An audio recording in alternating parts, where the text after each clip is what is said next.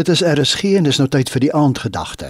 Die aandgedagte vanaand word aangebied deur Dr Arnold Mol, skrywer en motiveringsspreker van Pretoria. Goeienaand. Vanaand wil ek gesels oor die giftige emosie van vrees.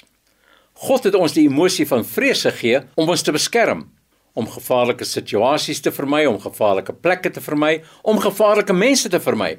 Maar God wil nie hê ons moet in 'n staat van vrees leef nie. Meer as 80 keer sê God se woord: Moenie vrees nie. En ek wonder hoekom so dikwels? Is dit miskien 'n ernstige probleem wat ons lewens kenmerk? En die gevolg van vrees is eerstens, dit verslaaf ons. Ons kan emosioneel verlam word. Byvoorbeeld, die vrees om in die openbaar iets te sê of die vrees om 'n nuwe projek aan te bak of om nuwe verantwoordelikhede te aanvaar. Vrees verhoed ook dat ons God se seënings geniet. In Lukas 8 lees ons van die duiwelbesete man wat deur Jesus genees is en die mense van die dorp het Jesus gevra om hulle uit te los want hulle was bang. Daar moes baie ander siek mense op daardie dorp gewees het wat genesing van Jesus kon ontvang het, maar as gevolg van hulle vrees het hulle dit verbeur. Vrees kan ook meebring dat ons God vergeet. In Jesaja 51 vers 12 en 13 lees ons: Hoe is dit dan dat jy bang is vir 'n sterflike mens? Vir 'n mens wat so maklik vergaan soos gras. Jy vergeet die Here wat jou gemaak het, wat die hemel oopgespan het. Een besondere giftige vrees is die vrees vir wat ander mense van ons sal dink.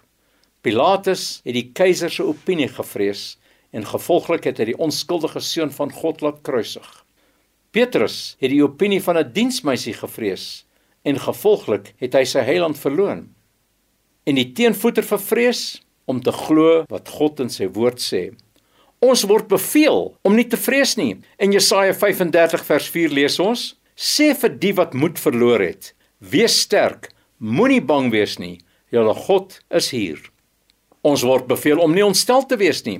In Johannes 14 vers 27 het Jesus gesê: Die vrede wat ek vir julle gee, is nie die soort wat die wêreld gee nie. Julle moet nie ontsteld wees nie en julle moet nie bang wees nie. En weer eens, hierdie is opdragte, nie opsionele ekstras nie. Maar die oorkoming van vrees verg 'n keuse om op die Here te fokus of op ons omstandighede te fokus. In Psalm 27 vers 1 het Dawid gesê: "Die Here is my lig en my redder. Vir wie sou ek bang wees? Die Here is my toevlug. Vir wie sou ek vrees?" Ons moet onsself elke dag afvra: Op wie of op wat maak ons staat?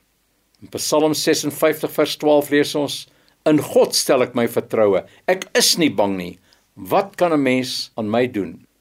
As ons voortgaan in vrees, beteken dit dat ons vir God sê dat ons hom nie vertrou nie. Jy het geluister na die aandgedagte hier op RSG, aangebied deur Dr Arnold Mol, skrywer en motiveringsspreker van Pretoria.